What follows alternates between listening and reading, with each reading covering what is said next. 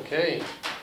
Välkomna hit eh, till eh, första föreläsningen i Anings serie Tema Gud, psykoanalys, politik och din andre. Eh, vi kommer alltså köra en föreläsningsserie i fyra delar eh, och eh, senare under samma tema så kommer det bli en filmserie i tre delar på Kino. Eh, ni får gärna fråga oss i pausen här eller så, kolla upp på Facebook eller mejla eller sådär, om ni vill veta mer om de grejerna. Jag kommer nämna lite om eh, nästa tillfälle i slutet av föreläsningen idag.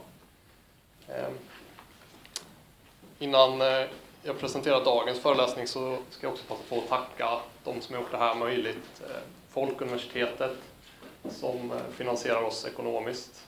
Det är asgrymt att det finns sådana studieförbund där man kan få resurser till en sån här jättebra föreläsningsserie. Och så, de har ju varit ett stöd länge för oss. Eh, också Månteatern, där vi är just nu, är väldigt generösa med sina lokaler och idéer. Och, och så. Stort tack till dem med. Eh, idag så är vi väldigt glada att ha tillbaka en föreläsare, Ola Sigurdsson, som vi har haft här innan. Jag tror det var 2013 på våren. Vi diskuterade innan. Eh, då var Ola här Kanske främst utifrån att han är föreståndare för något som heter Centrum för kultur och hälsa i Göteborg. Han pratade på en serie då som hade tema kropp. Eh, och ja, att vi tar tillbaka honom var ju, kan ju ses som ett tecken på att vi var väldigt nöjda med honom då och så här tyckte jättebra föreläsare och så. så. Eh, eh men eh, Ola är också professor i tros och eh, livsåskådningsvetenskap i Göteborg.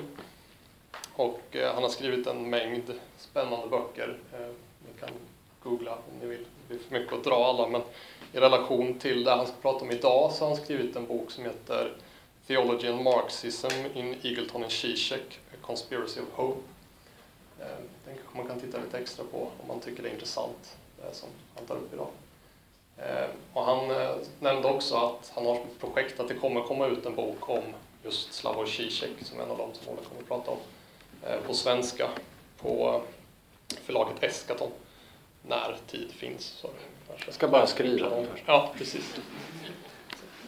Eh, men, jag vet vad den handlar om. Ja, exakt. Ni, ni får hålla ögonen öppna.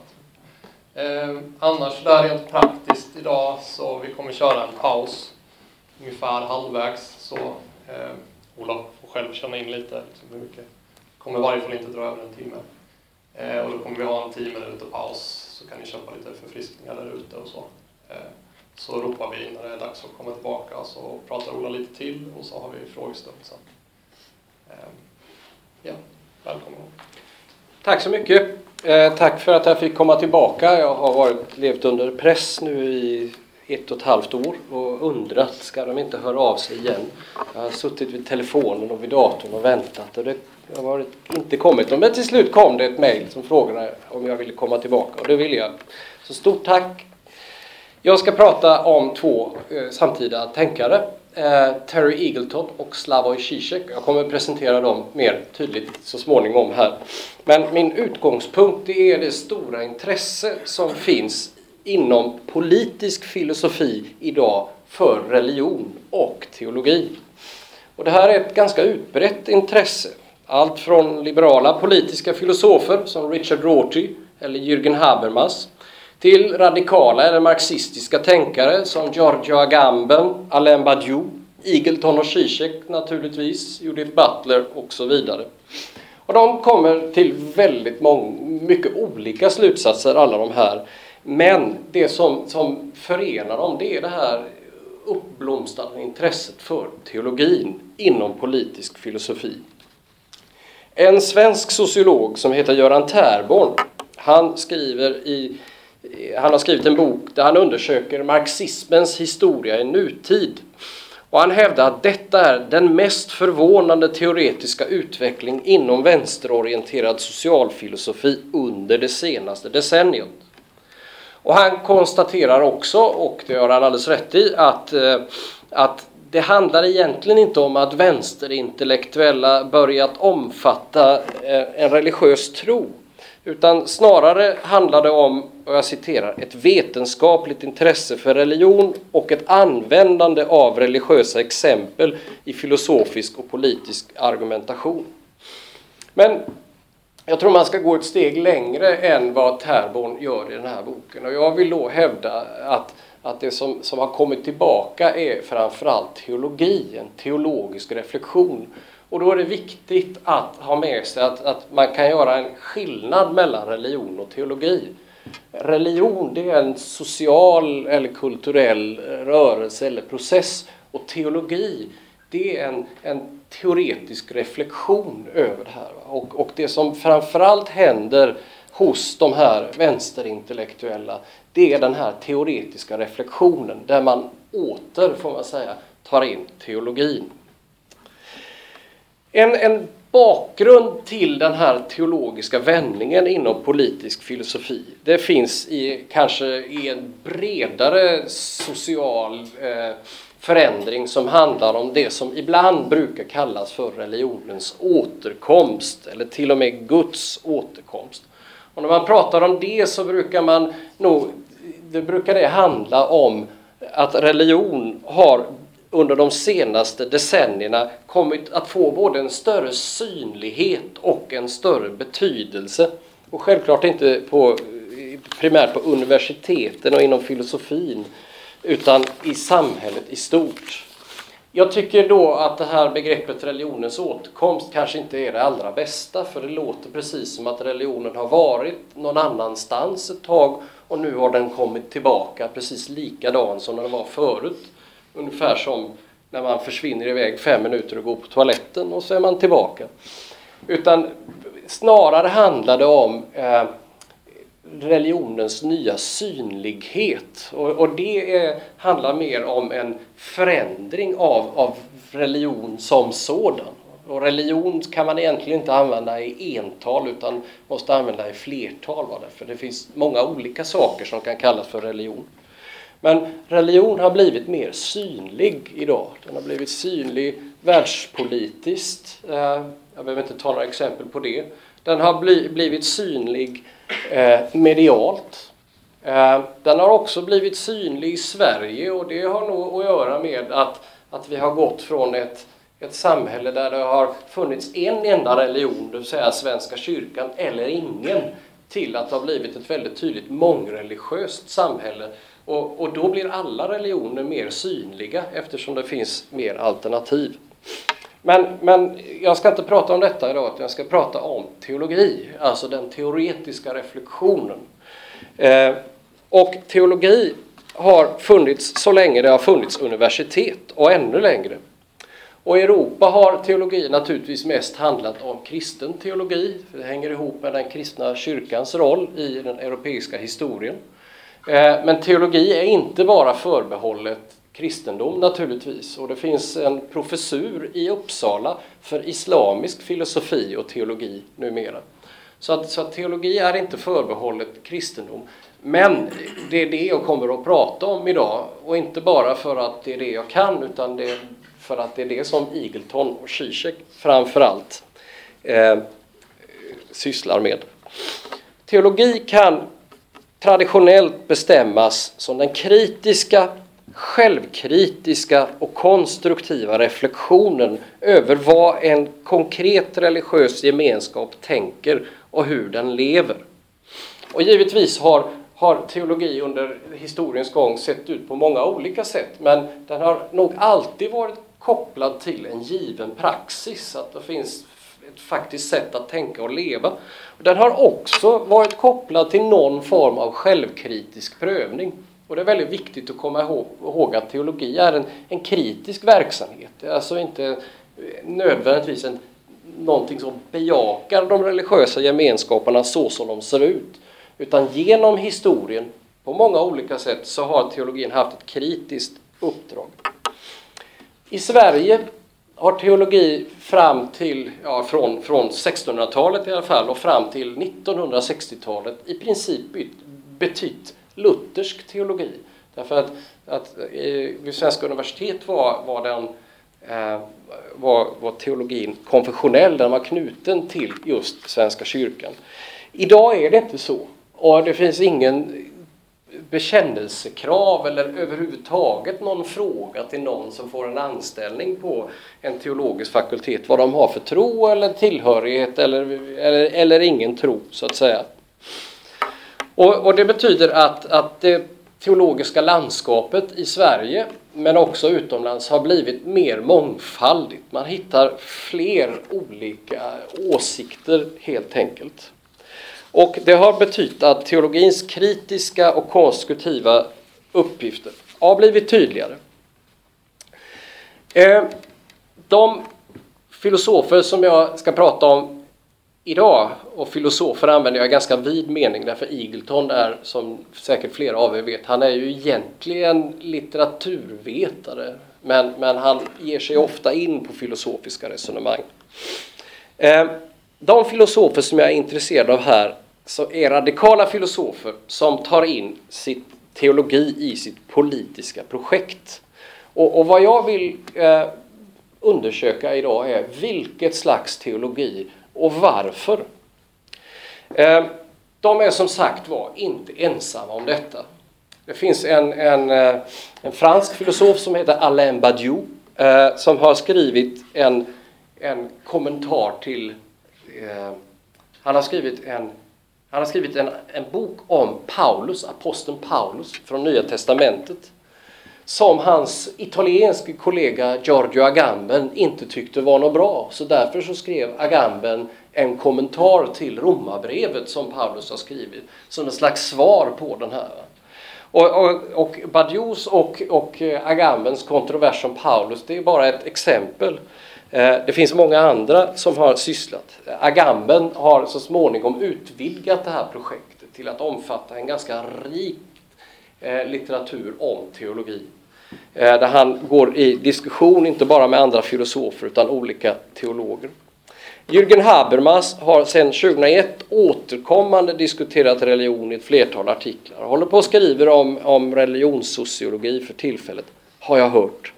Judith Butler håller på och diskuterar sitt judiska arv i ett antal böcker och i föreläsningar.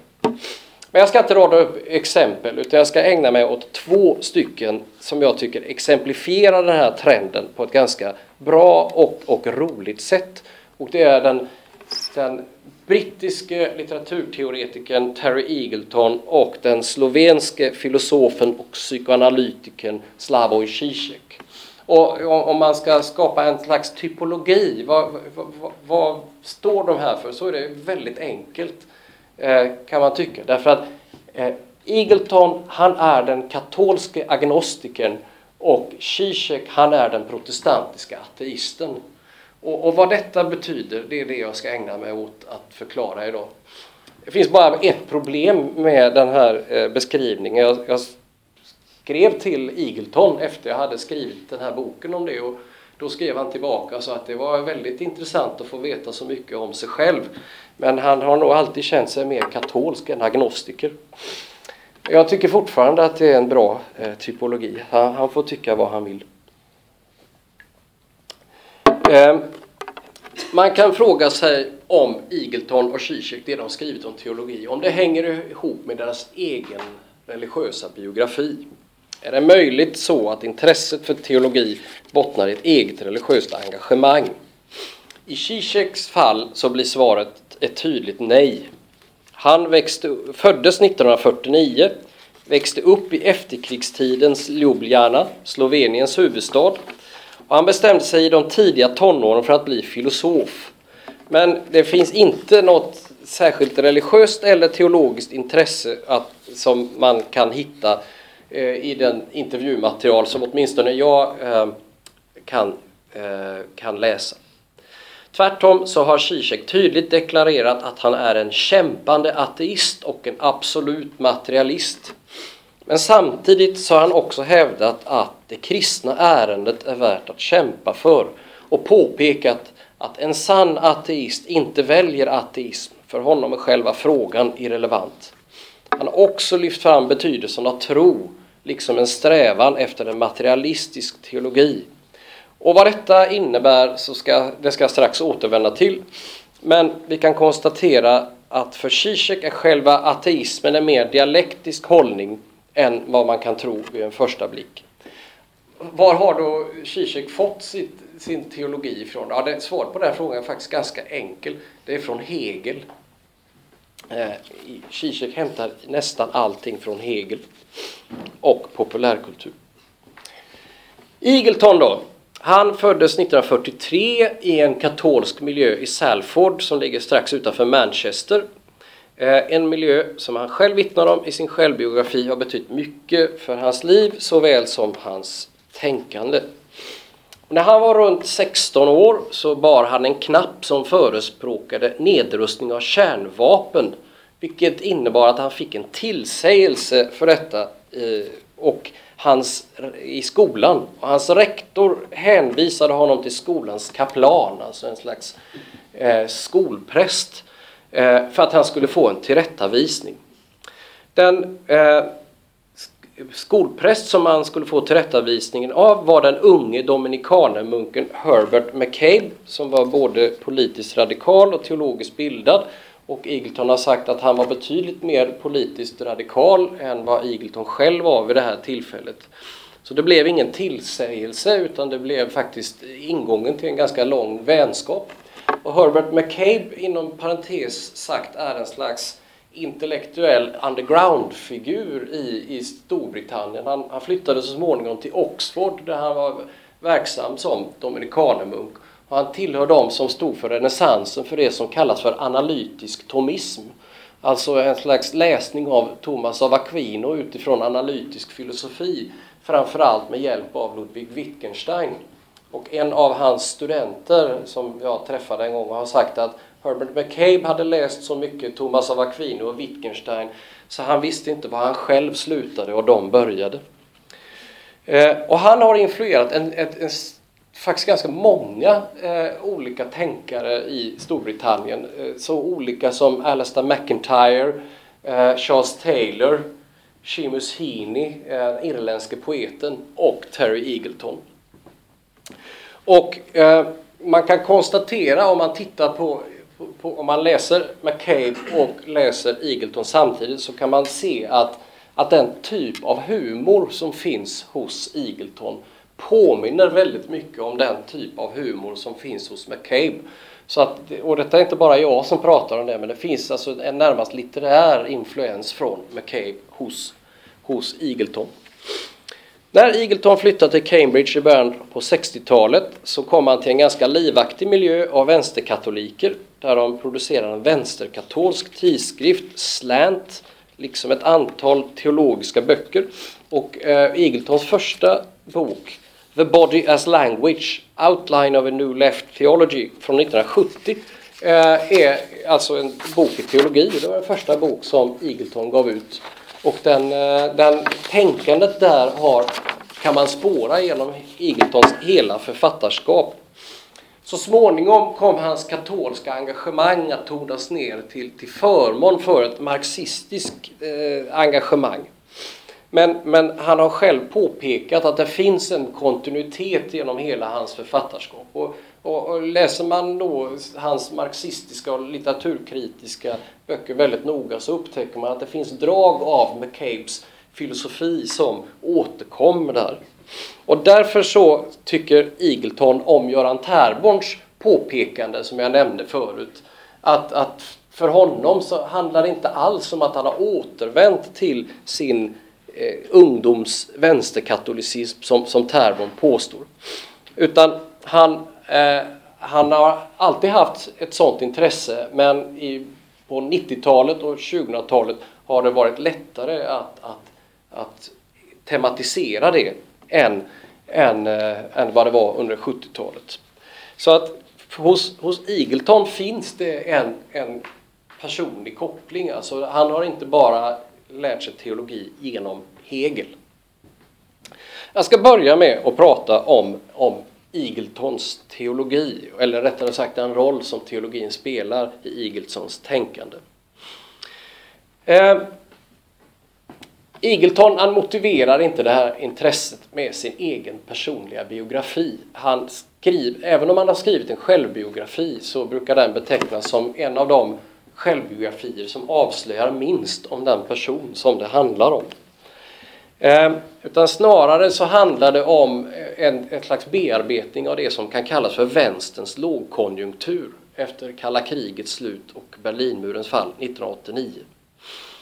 Ehm, det här 1989 som symboliskt datum och Berlinmurens fall eh, och upplösning av östblocket innebar ett ökat självförtroende för liberala politiska strömningar.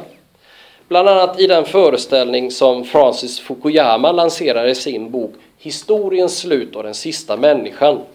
Och Fukuyama här, han, han skrev att den liberala demokratin den är fri från inre motsättningar och därför så utgör den historiens slut. Detta är en Hegelsk idé. Historiens slut. Vi har liksom i princip, vi, vi är framme nu, va? nu. Nu bättre än så här blir det inte. Men den här liberala utvecklingsoptimismen den gick mer eller mindre på grund vid ett annat symboliskt datum, nämligen 11 september 2001 när två plan flög in i Twin Towers och visade att inte alla var riktigt lika övertygade om den nya liberala världsordningens förträfflighet. Nu ska man inte göra, dra för många slutsatser av, av symboliska årtal eller datum utan vänsterns lågkonjunktur har med andra utvecklingar att göra, bland annat thatcherismen i Storbritannien, Ronald Reagan i USA och liksom att mer postmoderna teoribildningar på sätt och vis har ersatt eller modifierat marxismen inom vissa delar av universiteten runt om i Europa. Eagleton, som varit politiskt engagerad under hela sitt vuxna liv och som än idag håller fast vid en version av marxismen menar att denna vänsterns lågkonjunktur bör innebära att man ska ta teologi mer på allvar. Och han nämner ett antal anledningar till detta. För det första så är det knappast så att vänstern har så många bra idéer i det här läget att man har råd att inte bry sig om radikala tankeströmningar som kommer någon annanstans ifrån. 2009 så skriver han så här. Om den agnostiska vänstern inte har råd med en sådan intellektuell indolens vad beträffar de judiska och kristna skrifterna så är det inte endast för att det hör till rättvisa och ärlighet att konfrontera sin opponent där han eller hon är mest övertygande. Det är också så att radikaler kan hitta några värdefulla insikter om mänsklig emancipation där i en tid där den politiska vänstern har ett förskräckligt behov av goda idéer. Och de idéer som man kan hitta inom ett visst slags teologi eh, eh, är mer och inte mindre radikala än mycket av det som man hittar hos vänstern idag, menar Eagleton. Men det finns också en annan anledning. Ja, nämligen att de här skrifterna, han syftar på Bibeln, eh, behandlar en mängd frågor där den traditionella vänstern mestadels upprätthållit en pinsam tystnad. Nämligen existentiella frågor som rör död, lidande, kärlek, självutgivande och liknande. Vad man än tänker om teologi, säger Eagleton i en intervjubok, reser den en mängd av brutalt fundamentala frågor. Frågor som Eagleton inte funnit vare sig i den renläriga politiska teorin eller filosofin. Och Eagleton menar att marxism är inte en teori om allting.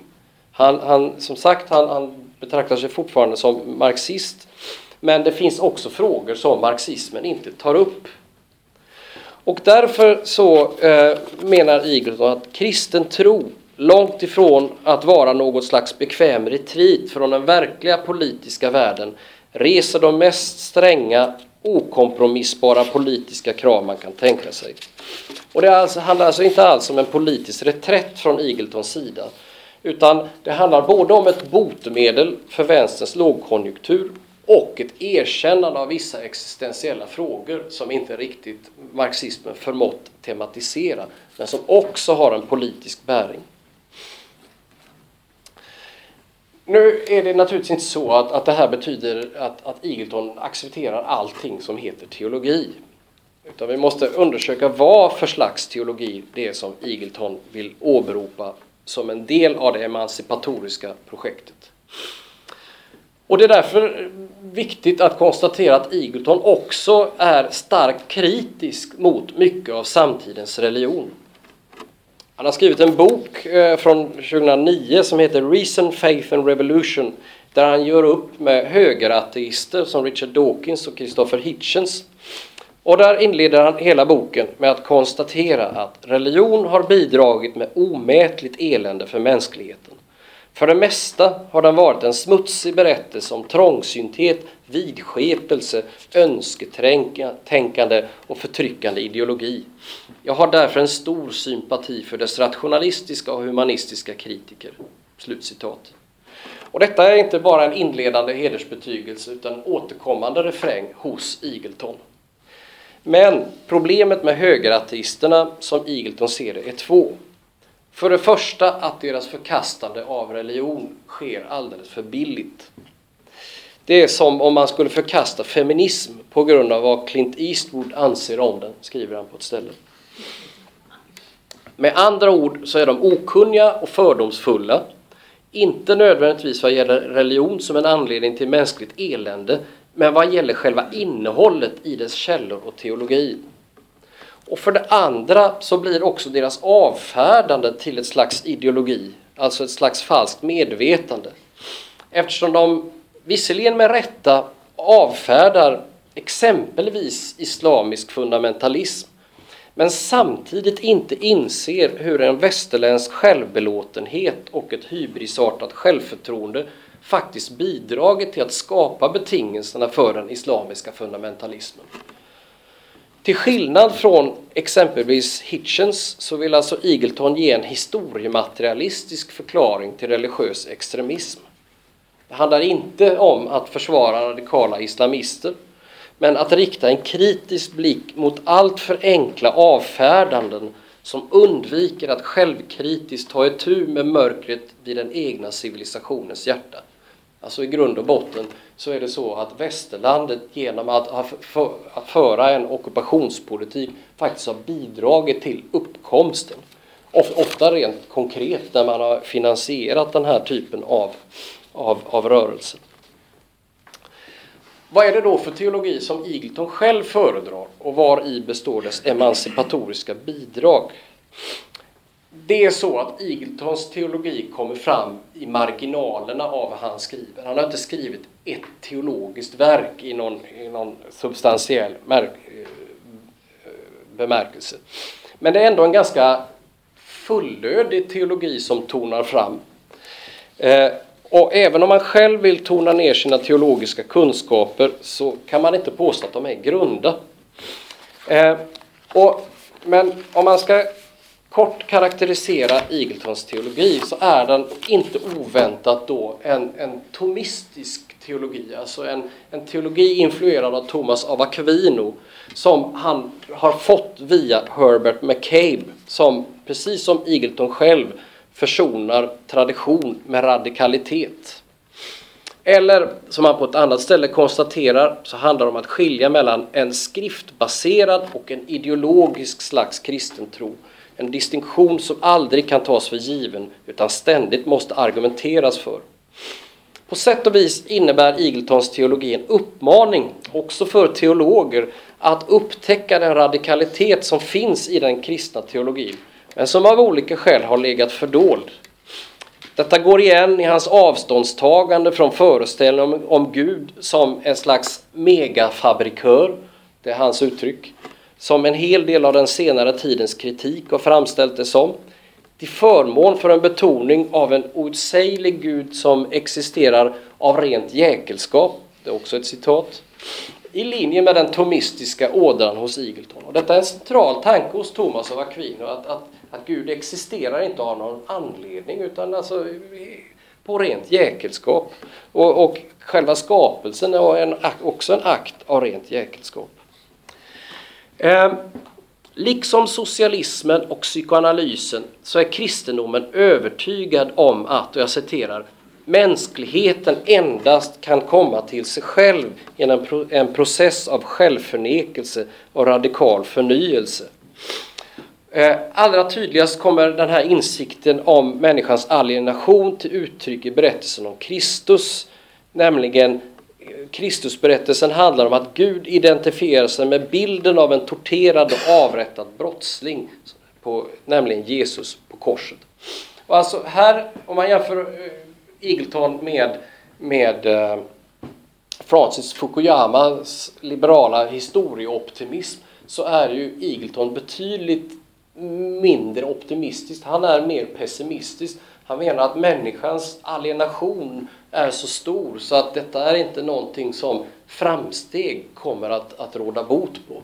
Och där menar han, precis som Zizek, eh, att han är på samma tema som marxismen och psykoanalysen. Jag ska till slut säga någonting om Eagletons förståelse av, eh, av tro. Eh, han har utförligt diskuterat trosbegreppet. Och till att börja med så vill han skilja på två olika aspekter av tro. Och, och det här är en, en, diskussion, eller en distinktion snarare, som finns inom teologin. Och vi kan vända oss till Thomas av Aquino som menar att det är en, en skillnad mellan att tro att Gud finns och att tro på Gud. Det ena är så att säga ett försanthållande och det andra är en tillitsakt. Och den här distinktionen använder sig Eagleton av. Han hävdar nämligen att tro i religiös bemärkelse inte i första hand handlar om ett slags kognitivt bejakande av en viss proposition om att det existerar en varelse som är sådan och sådan. Utan tron är primärt ett engagemang som man kan hitta hos en människa som inte har någon annan utväg men som inte desto mindre förblir trogen löftet om en förvandlande kärlek. Med andra ord, engagemanget kommer före försanthållandet. I, I samma andetag så säger Eagleton att det, engagemanget också implicerar en antal antaganden om verklighetens beskaffenhet. Men samtidigt så är han noga med att lyfta fram just de här olika dimensionerna av tron. Ehm, jag kan illustrera det här med ett citat som, som är ganska oegentligt därför det kommer från Martin Luther och Martin Luther förekommer inte så mycket hos, hos Eagleton. Och så här skriver Luther i, lilla, i Stora katekesen, förlåt. En Gud kallas det som man väntar sig allt gott av och som man i all nöd tager sin tillflykt till. Allenast hjärtats förtröstan och tro gör både Gud och avgud. Slutcitat. Alltså för Luther så det, kan det finnas en mängd olika gudar, nämligen allt det som man sätter sin tillit till, det är en gud. Och signifikant för Eagletons förståelse av tron är både förtröstan och den situation som Luther beskriver som i all nöd. Marx har beskrivit religion som, och jag citerar, de betryckta skapelsernas suck, hjärtat hos en hjärtlös värld. Och tro, enligt Eagleton, är just det som gör att hoppet förblir även i en hopplös situation.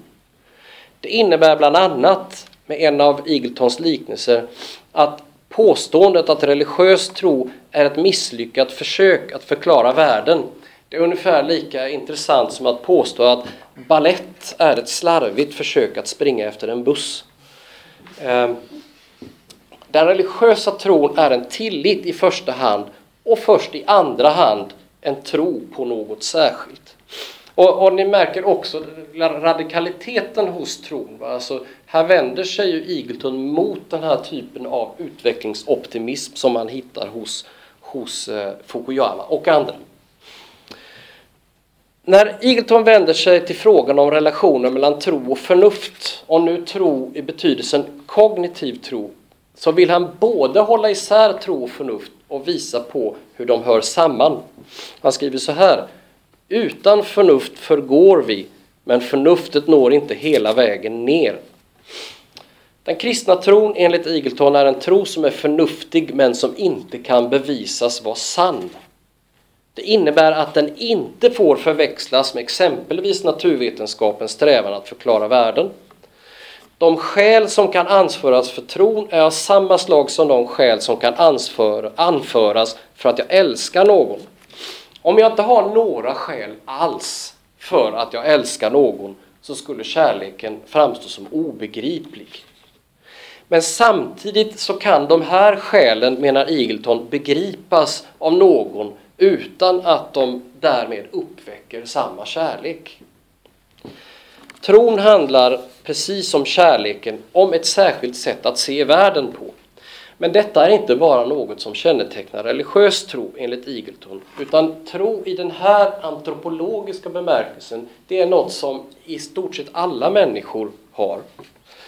Eh, mänsklig kommunikation förutsätter ett slags tro, inte av religiöst slag, men besläktad, nämligen tro som en någorlunda tillit på att kommunikationen ska fungera att de som samlar bevis för ett faktum är någorlunda pålitliga och så vidare. Tro artikulerar ett kärleksfullt engagemang innan den räknas som en beskrivning av vad som är fallet, skriver eh, Eagleton på ett ställe. Kunskap snappar vi upp genom ett aktivt engagemang och ett aktivt engagemang implicerar tro. Eh, och en sån, sånt engagemang, det måste inte vara eh, kristendom eller någon annan religion enligt Eagletons sätt att se. Men det här blir en slags fundamental antropologi, alltså tro kännetecknar människans tillvaro som sådan. Våra engagemang och övertygelser konstituerar vilka vi är. Och att byta en tro mot en annan liknar därför mer vad teologin kallar en omvändelse än att bara byta åsikt. Eh, och om man ska summera Eagleton så försöker han företräda en ganska traditionell tomistisk teologi. Och när jag säger traditionell så, så ska man inte uppfatta detta som traditionalistisk det finns en mängd idéer om vad en traditionell kristen tro är i svang, eh, som är i svang idag. Men det är inte säkert att, att det stämmer bara för att de påstår att det är tradition. Så Eagleton hittar hos Thomas av Aquino, läst genom Herbert McCabe, eh, ett, ett sätt att förklara varför trons radikalitet blir viktig för det emancipatoriska projektet. Nu ska jag prata om Zizek eh, och innan vi tar en paus och sen har jag en kort avslutning. Jag tror jag håller tiden någorlunda. Om man vänder sig till Zizeks användning av teologin så möter vi både likheter med Eagleton och skillnader. Och intressant nog handlar de här bland annat om Zizeks syn på tro. Men för att komma dit så ska jag först helt kort redogöra för hur Zizek vill använda teologin. Zizek utgår från att en autentisk emancipatorisk filosofi måste bryta med det politisk-filosofiska konsensus som kännetecknar vår tid och som kommer till uttryck bland annat i det han kallar för en postpolitisk multikulturalism. Den för Zizek intressanta skiljelinjen går inte mellan teism och ateism eller mellan religion och vetenskap. Att kalla sig ateist, skriver han på ett ställe, är bara patetiskt. Den kämpande ateisten handlar fortfarande som om den store andre existerar. Istället går den avgörande skiljelinjen mellan å ena sidan kristendom och dialektisk materialism och å andra sidan det han kallar postsekularism och med det menar han Levinas och sånt, nyandlighet, västerländsk buddhism och så vidare. Kristendomen och den dialektiska materialismen är allierade enligt Zizek. För att bli en sann dialektisk materialist bör man genomleva den kristna erfarenheten. Vad i hela världen betyder detta? I grund och botten så tror jag det handlar om att Zizek menar att det finns en slags grundläggande arrogans hos kristendomen som han värderar positivt. Nämligen att Kristus står för ett brott med alla totaliteter och kosmiska ordningar. Istället för det urskillningslösa, postmoderna talet om skillnader så skiljer Kristus mellan gott och ont i enlighet med vad han säger i Lukas evangeliet kapitel 12. Tror ni jag är här för att skapa fred på jorden? Nej, säger jag, men splittring. Och vad den kristna teologin hävdar enligt Zizek och som den avslöjar, det är att människan är hemlös i tillvaron och att denna hemlöshet eller alienation är konstitutiv, konstitutiv för människans existens. Grunden till hemlösheten hittar Zizek i berättelsen om hur Kristus dör på korset. Här flyttar nämligen oron och konflikten in i Gud själv som spänningen mellan Fadern och Sonen och till slut dör också Gud för sig själv. Gud blir här inte en metafor som hos Feuerbach och kanske hos Marx för mänskliga passioner och ideal utan ett namn på detta mer, det omänskliga i människan, friheten som gör sig gällande mitt i den materiella tillvaron. Zizek talar hela tiden om människan som någon som överskrider sig själv, som inte kan låta bli att överskrida sig själv. Och detta mer är det som motiverar eh, att kalla detta för teologi. Ehm, det, det, här är en figur som Zizek ofta återvänder till och som snarast härrör från den tyske idealistiske filosofen Friedrich Schellings frihetsskrift. Och där skriver Schelling Det i Gud själv som inte är Gud själv. Så enligt Schelling så finns det även i Gud någonting som överskrider Gud. Med andra ord något oåtkomligt som samtidigt är vår innersta drivkraft. Zizek utlägger den kristna passionshistorien med hjälp av den tyska idealismen, framförallt Hegel. Mellan korsfästelse och uppståndelse råder en spekulativ identitet. Där sonen dör på korset dör också fadern, men samtidigt uppstår Kristus som den heliga anden, det vill säga den anda som genomsyrar det revolutionära avantgardet. Därmed är termen teologi viktig även för en ateist som Zizek som en beteckning på reflektionen över det mer som överskrider individerna. Som en verklig hegelian så menar Zizek att den traditionella teologin, den är sann, men den är sann på ett helt annat sätt än vad traditionen menat.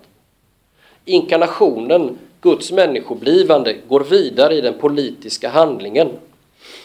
Man skulle kunna säga att Zizeks intresse för teologi är ett spekulativt intresse i Hegels anda, Alltså den filosofiska insikt som kan komma till uttryck i konkreta religiösa föreställningar men som behöver filosofin för att komma till sitt sanna begreppsliga uttryck.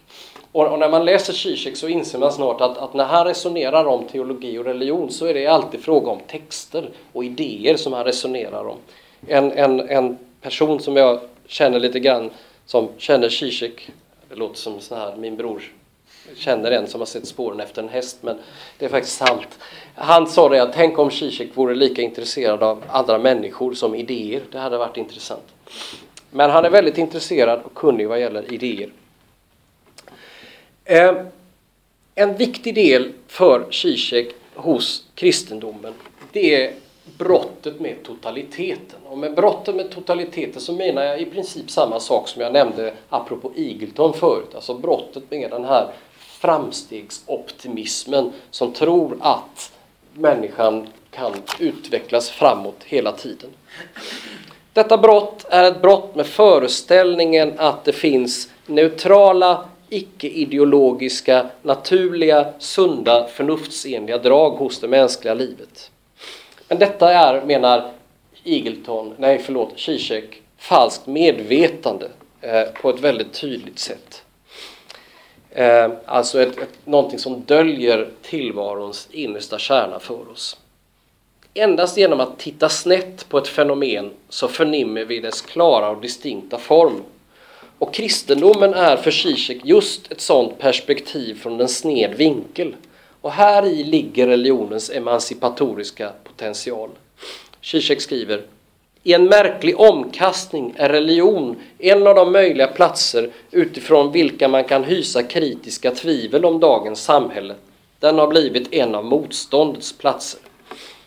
Sanningen är, menar Zizek, alltid partisk.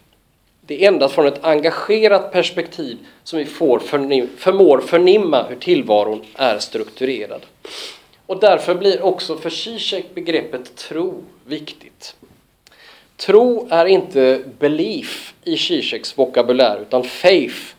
Och skillnaden mellan belief och faith kan sägas vara mellan övertygelse och tillit. Som Zizek påpekar apropå den gammaltestamentliga judendomen så skilde den sig från annan tro just genom att den uppmanade till tillit gentemot Herren till skillnad från övertygelsen om existensen av en mängd gudar. Eh, och här, så långt som jag har sagt nu, så, så är han ganska lik Eagleton. Men där, där Eagleton vill hålla samman tro och förnuft i en enda trosakt så vill Zizek i radikalprotestantisk anda skilja dem åt. Och låt mig då avsluta Zizek-delen med att säga någonting om vad det betyder. Han refererar återkommande till Sören Kierkegaard.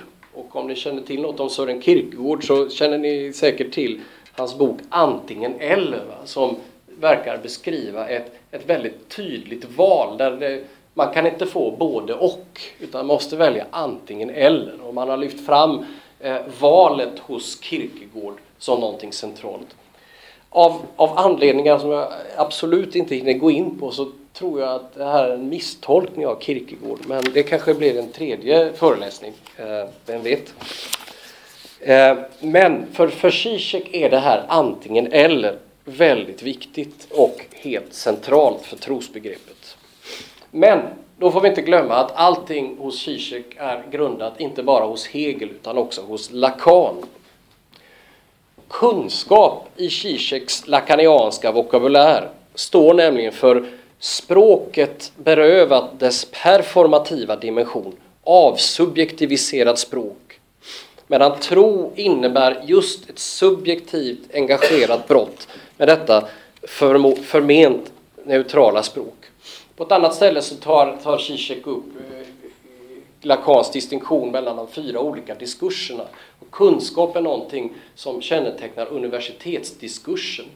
Eh, nämligen en slags idé om, som delas av eh, universitetet och andra, att man kan så att säga stå, själv stå utanför det kunskapsfält som man beskriver. Det menar Zizek att det kan man inte. Det är en form av, av eh, Eh, då, då, är man i, i, i psykoanalytisk bemärkelse paranoid. Eh, så att nu, nu, vet ni vad vi håller på med. Eh, och, och, där, och, tro, det handlar då om analy, den analytiska diskursen där man har ett engagerat eh, perspektiv som bryter med det här förment neutrala språket. Och av denna anledning så kan Zizek beklaga bristen på tro i vårt samhälle och menar i en paradoxal vändning som man ofta hittar hos Zizek att det snarast är hos de sekulära humanisterna som man själv som vi finner tro idag medan hos de religiösa fundamentalisterna där finner man bara kunskap. Och han skriver så här dessa så kallade kristna eller muslimska fundamentalister är en skam för sann fundamentalism det är ju ett skämt, va? Men, men hans poäng är att, att man försöker förvandla engagemanget till kunskap och därmed så går man miste om just den engagerade dimensionen.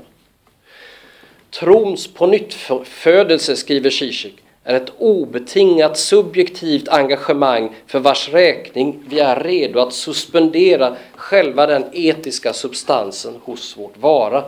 Tron är ett fastklamrande över det innersta, det som driver oss framåt som människor. Någonting som Zizek på ett annat ställe kallar för dödsdriften.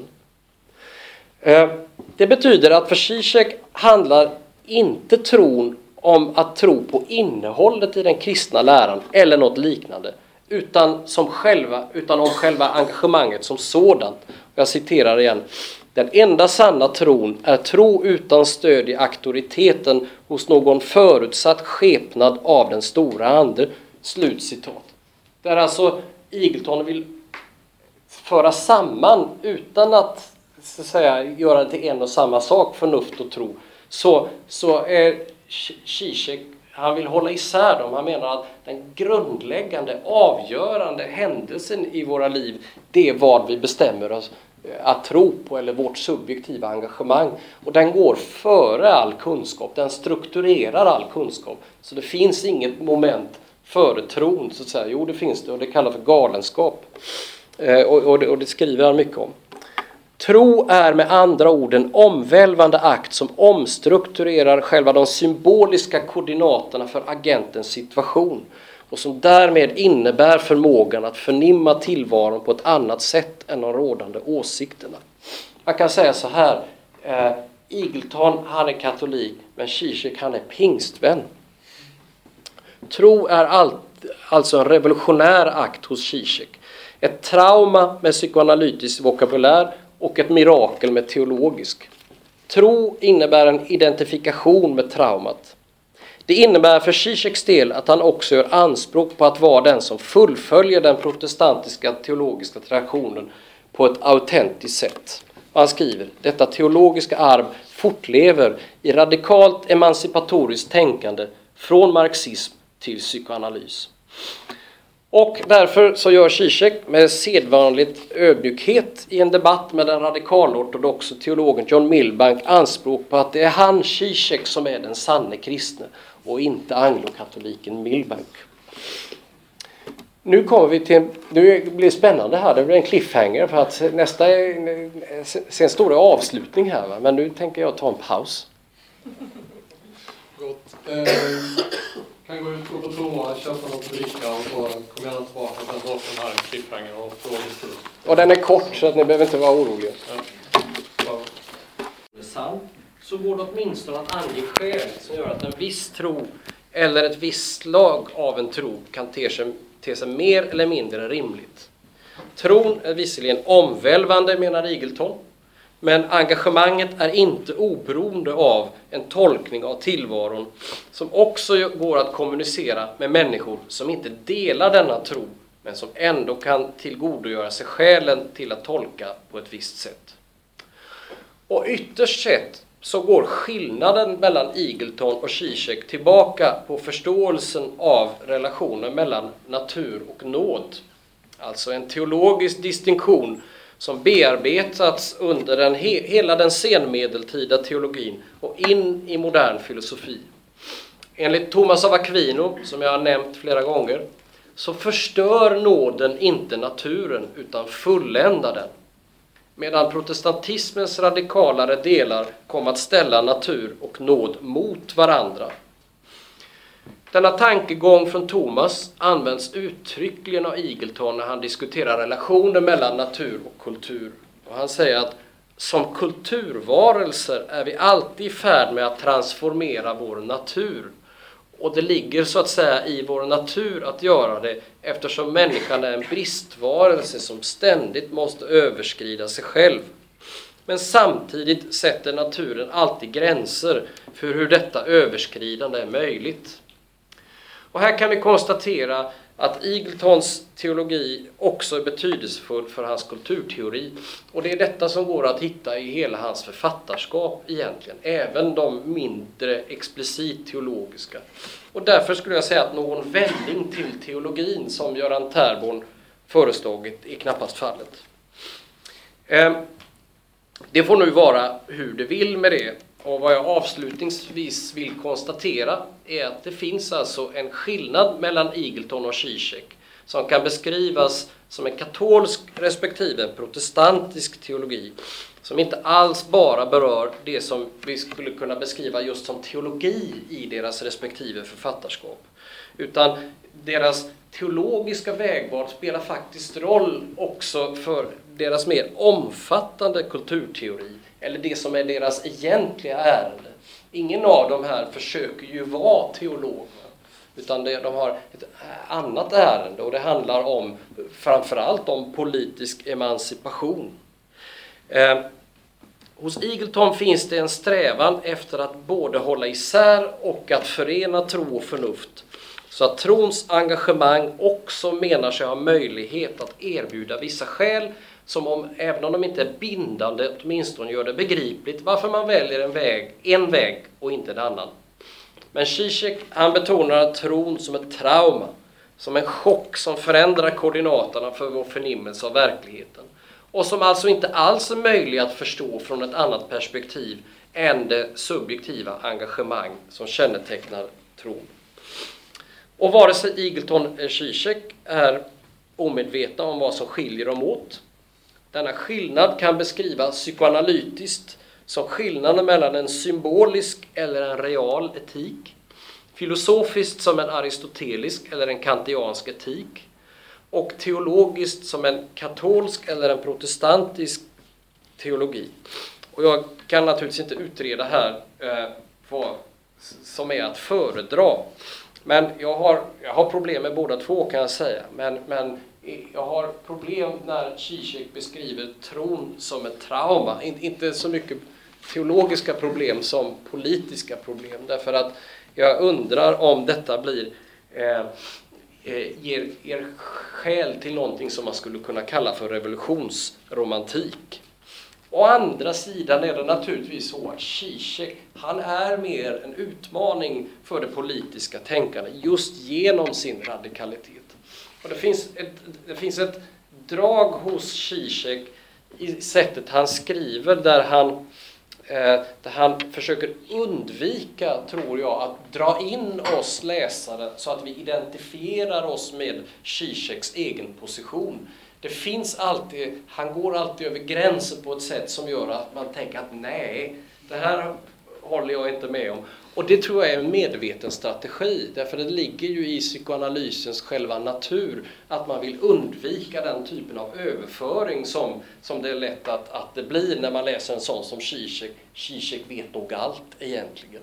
Och när man läser Zizek så tänker man han vet inte allt. Och därmed så tvingas man till ett eget subjektivt engagemang. Eh, intressant att notera då, och det är det jag försöker göra i den här boken som heter The Theology and Marxism, det är att deras respektive versioner av marxism följer av deras olika teologiska ställningstaganden. Det är min tes i den här boken. Att de kommer fram till olika idéer om marxismen och dess brott med den, den nuvarande verkligheten Eh, Eh, och vad revolution är. Och på ett sätt som påminner just om eh, sättet som de skiljer mellan eh, eh, skiljer sig åt hur de förstår tro. Det får också konsekvenser, det kanske jag kan komma tillbaka och tala om en, nästa gång. Det kanske inte blir någon nästa gång, det kanske är slut nu. Men det finns också en skillnad i deras skrivsätt, framförallt deras användande av humor. Och jag har faktiskt påstått, på, jag har skrivit en artikel om det, att, att Eagletons humor den korrelerar med hans förståelse av tro på samma sätt som Zizeks förståelse av, av humor korrelerar med hans eh, förståelse av tron. Alltså, de har väldigt olika stilistiska ideal som jag menar är, båda är stilistiskt begåvade författare men väldigt olika. Och, och, det har att göra med deras respektive kommunikationsstrategier där, där Zizek är den som vill väcka anstöt och där Eagleton är den som vill dra in. Okej, okay, eh, var, var, hamnar vi efter det här? Alltså det som jag tycker är intressant med de här eh, är bland annat just deras aktualiserande av en teologisk radikalitet. Och jag är övertygad om att i kölvattnet av de här så kommer man att återvända till de teologiska klassikerna eh, och, och, läsa dem på ett nytt sätt. Därför att vad man än kan säga om Eagleton och Zizek så de, de är intressanta och har briljanta idéer men de är inte de allra mest belästa te, eh, eh inom teologin. Eh, och, och därför så ser jag fram emot så småningom läsningar som må vara influerade av Eagleton och Zizek men som på allvar tar sig an eh, teologiska klassiker. Inte bara Thomas av Aquino utan sådana som Dietrich Bonhoeffer, Karl Barth eh, eh, och, och ett antal av de här klassikerna för att läsa om dem och se och titta på hur radikala de faktiskt är till skillnad från den bild som av olika anledningar har kommit att följa med oss in i vår tid. Tack!